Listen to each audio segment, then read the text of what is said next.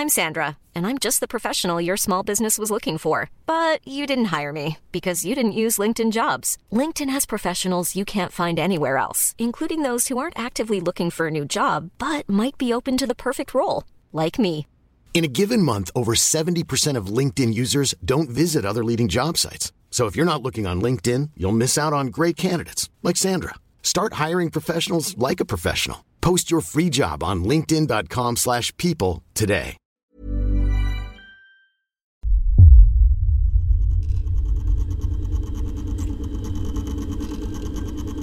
Thank you all for volunteering to take part. As you know, this experiment is being conducted for research purposes, and your prison sentence will be spared if you comply to the requirements of the experiment. I will go over some rules and requirements for your stay here over the next 30 days. You must stay awake for the next 30 days. You must complete all mental and physical activities each day. Must not ever lay a finger on a fellow inmate. If you do not wish to take part in the experiment, this is your last chance to say so, as you will not be allowed to leave once we begin.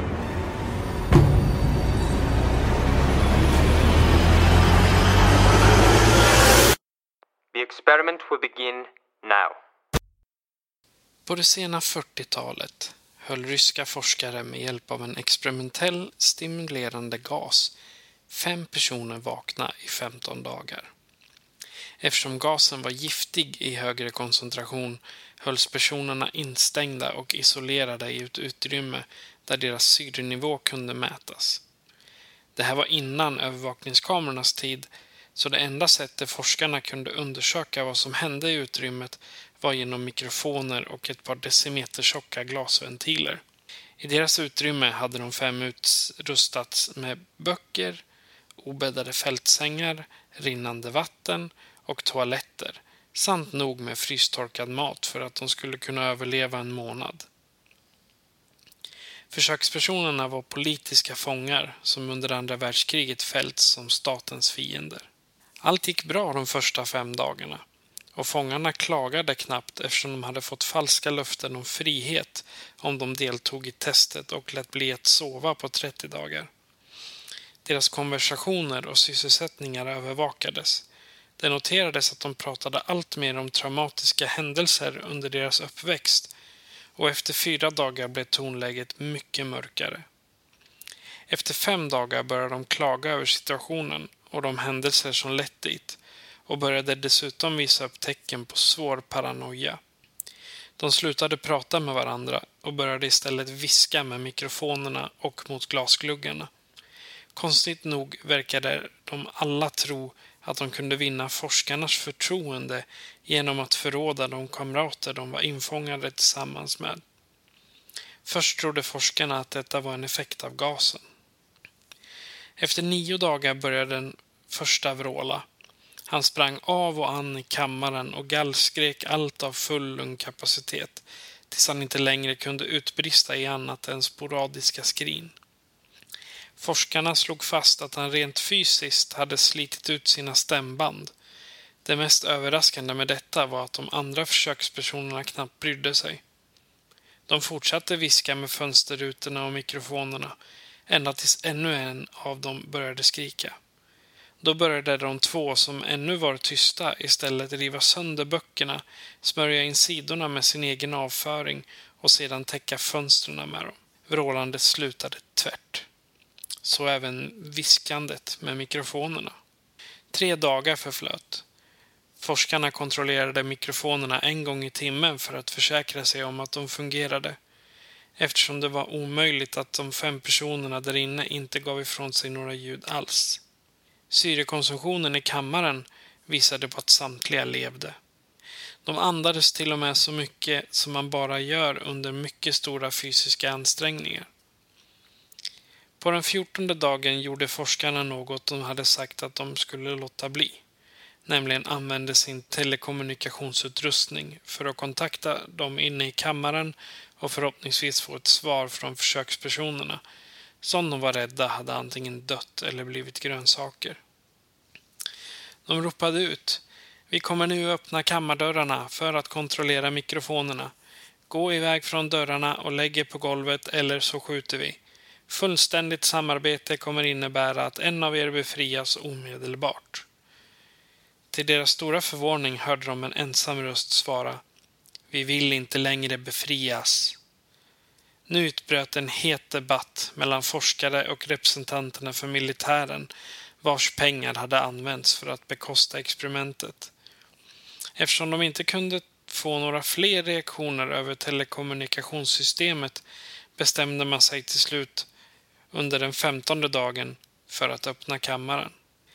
De började med att tömma den på gas och fylla den med frisk luft istället. Men då började klagomål höras ur mikrofonerna. Tre olika röster började böna och be, som om det var för deras närståendes liv, om att gasen skulle sättas på igen. Kammaren öppnades och soldater sändes in för att hämta försökspersonerna som började vråla högre än någonsin. Soldaterna började också skrika när de såg vad som fanns inuti. Fyra av de fem försökspersonerna levde fortfarande, även om man svårligen kunde kalla det skick de befann sig i för levande. Ingen hade rört de senaste fem dagarnas matransoner. Av den döde försökspersonens kropp hade stora köttstycken tagits och proppats in i kammarens avlopp. Så en decimeter djup vattensamling täckte golvet. Eller, tja, hur mycket av vätskan som var vatten och hur mycket som var blod avgjordes aldrig. Alla fyra så kallade överlevande hade fått stora bitar av musklerna och huden bortslitna från kroppen. Skadorna där och de blottade benpiporna på deras fingertoppar indikerade att skadorna åsamkats med bara händerna och inte med tänder som forskarna först trodde. En närmare undersökning visar på att de flesta, om inte alla, skador var självförvållade. De inre organen i buken, under bröstkorgen, hade hos alla fyra försökspersoner rivits ut. Hjärta, lungor och diafragma satt kvar, men huden och det mesta av musklerna på revbenen var bortslitna och lungorna syntes genom revbenen. Samtliga blodkärl och organ var intakta. De hade bara tagits ur och placerats på golvet så de låg utspridda runt de utrensade kropparna. Matsmältningen hos alla fyra såg ut att fortsätta och saker försökspersonerna hade ätit processades. Det visade sig snart att dessa saker var deras eget kött. De flesta av soldaterna på plats var ryska specialstyrkor men många av dem vägrade återvända in till kammaren för att hämta försökspersonerna. De i sin tur skrek om att bli lämnade i fred i kammaren och de varierade mellan att tigga om och att kräva att gasen skulle sättas igång igen så att de inte skulle somna. Till alla stora förvåning kämpade försökspersonerna hårt mot att bli hämtade ur kammaren. En av de ryska soldaterna dog efter att hans hals slitit sönder och en annan bars iväg svårt skadad efter att en försöksperson rivit av hans ena testikel och bitit sönder en artär i hans ben. Ytterligare fem soldater förlorade livet, inräknat de som begick självmord under veckorna efter incidenten. I kampen sprack en av försökspersonernas mjälte och han förblödde i det närmaste omedelbart. De medicinska forskarna hade försökt ge honom lugnande medel men det visade sig omöjligt. Trots att han hade fått mer än tio gånger så mycket morfin som en människa ska kunna klara av slogs han som ett skadat djur och bröt revbenen och en arm på en av doktorerna. Hans hjärta fortsatte slå i två hela minuter, även så efter att han förblött och det fanns mer luft än blod i hans ådror. Till och med efter att hans hjärta hade slutat slå fortsatte han skrika och slå omkring sig i ytterligare tre minuter, vilt kämpande för att attackera alla i närheten och skrikande ordet mer, mer, mer om och om igen. Men han blev svagare och svagare ända tills han tystnade.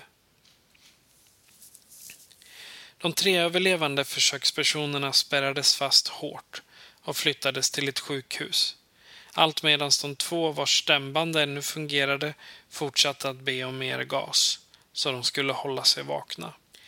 Den svåra skadade av de tre togs till sjukhusets enda operationsrum.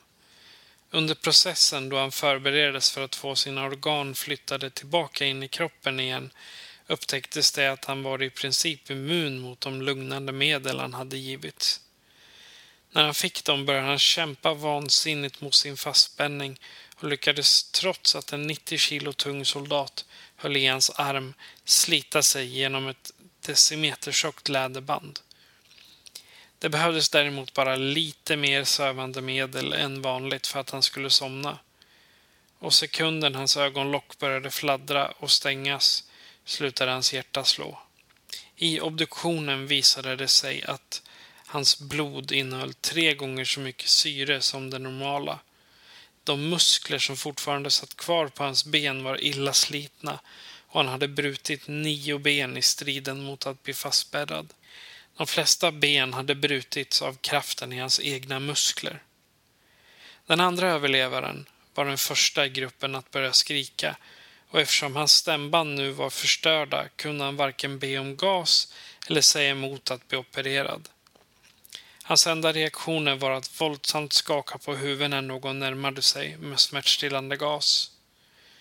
När någon motvilligt föreslog att de skulle operera på honom utan lugnande nickade han däremot och under den sex timmar långa processen då hans inre organ placerades tillbaka och det som fanns kvar av hans hud syddes på igen reagerade han överhuvudtaget inte.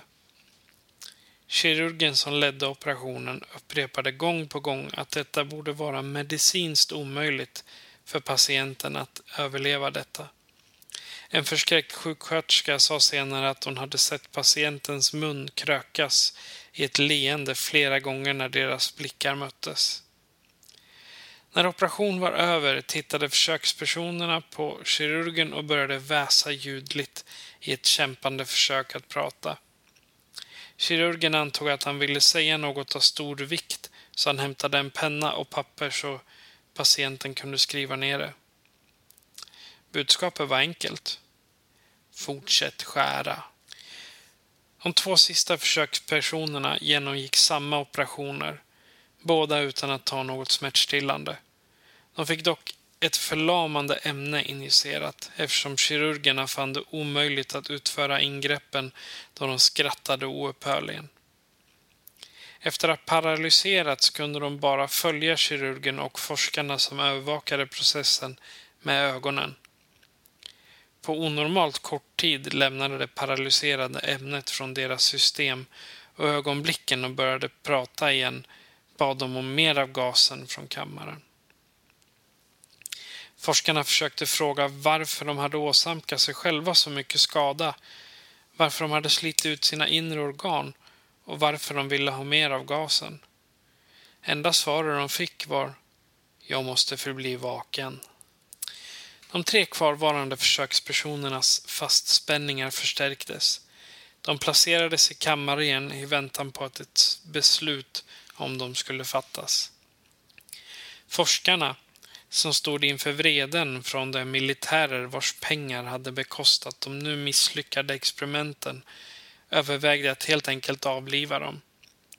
Men den ansvariga officeren på plats, en före detta KGB-agent, såg istället potentialerna i att börja ge dem gasen igen. Forskarna kom med bestämda invändningar, men kördes över. Då försökspersonerna förbereddes för att återigen bli instängda i kammaren kopplades de till en EEG-maskin. Och de fick mjukare bojor för en längre tids fastspänning. Till allas överraskning slutade de dock kämpa emot samma sekund som de förstod att de skulle få återvända in till gasen. Det var vid det här laget uppenbart att de kämpade för att inte falla i sömn en av dem som fortfarande kunde prata hummade oavbrutet högt för sig själv. Den stumme spände istället sina ben i tur och ordning för att ha något att fokusera på. Den sista mannen höll upp sitt huvud från kudden och blinkade intensivt. Han var den första att kopplas till EEG-maskinen och forskarna såg med stigande förvåning hur hans hjärnaktivitet ibland fullständigt upphörde. Det såg ut som att han gång på gång blev hjärndöd. Men sedan återgick aktiviteten till det normala. Eftersom forskarna stod samlade kring pappret där linan för hans hjärnaktivitet åkte upp och ned blev en ensam sjuksköterska det enda vittnet till hur hans huvud föll till kudden och hans ögon slöts. EEG-maskinen visade gång på gång aktiviteten hos någon i djupsömn och sedan, samtidigt som hans hjärta slutade slå, en sista rak linje. Den enda kvarvarande försökspersonen som kunde prata började nu skrika om att han skulle föras in i kammaren igen. Hans hjärnvågor upphörde på samma periodiska sätt som hos den nyss döde. Då gav officeren order om att stänga in den skrikande mannen och hans stumme kamrat i kammaren tillsammans med tre forskare. En av forskarna som skulle stängas in drog då officerens pistol, sköt honom mellan ögonen och vände sig sedan till den stumme och sköt honom i huvudet. Medan resten av kirurgerna och forskarna flydde riktade han sedan pistolen mot den sista försökspersonen som fortfarande var fastspänd vid sin säng.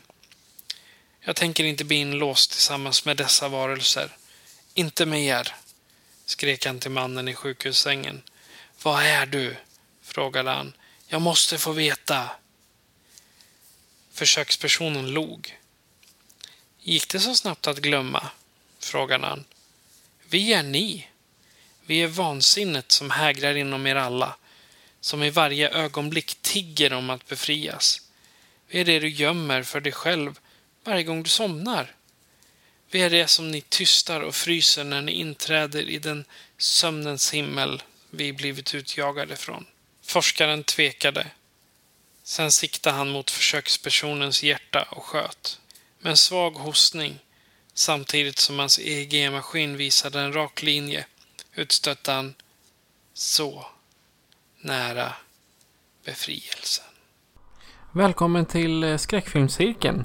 Det ryska sömnexperimentet som ni just hörde mig läsa upp är en av de mest populära creepypastas som finns online. Det vet jag eftersom jag gjorde en liten eh, undersökning i en Facebookgrupp och på Facebook-sidan där det var flera som nämnde det ryska sömnexperimentet. I början så hörde ni lite mm, röst ifrån en film som kom 2018 som heter The Russian Sleep Experiment. Ni kan kolla in den, se vad ni tycker. Annars så kan ni läsa runt om på internet som handlar om det ryska sömnexperimentet. Det har varit ett lite kortare avsnitt eftersom det har varit ett lite kortare avsnitt idag. För ingen av våra praoelever hade tid att eh, delta. Men jag vill ändå att eh, ni ska vara uppdaterade. Och det är att eh, i augusti så kommer vi med Season of the Sequels. Det vill säga vi går igenom hela franchisen av Hellraiser. Så att eh, ladda upp. Ni kommer få flera filmer från helvetet att titta på. Jag heter Patrik. Fredrik han är på semester. Men vi hörs igen om ett par veckor. Adjö.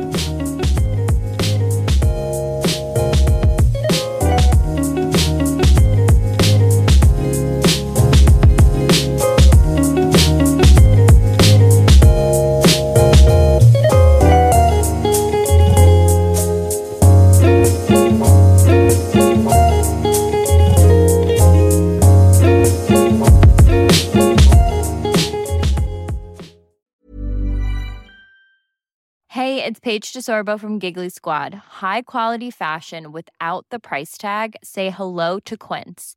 I'm snagging high-end essentials like cozy cashmere sweaters, sleek leather jackets, fine jewelry, and so much more. With Quince being 50 to 80% less than similar brands. And they partner with factories that prioritize safe, ethical, and responsible manufacturing. I love that. Luxury quality within reach. Go to quince.com slash style to get free shipping and 365 day returns on your next order. Quince.com slash style.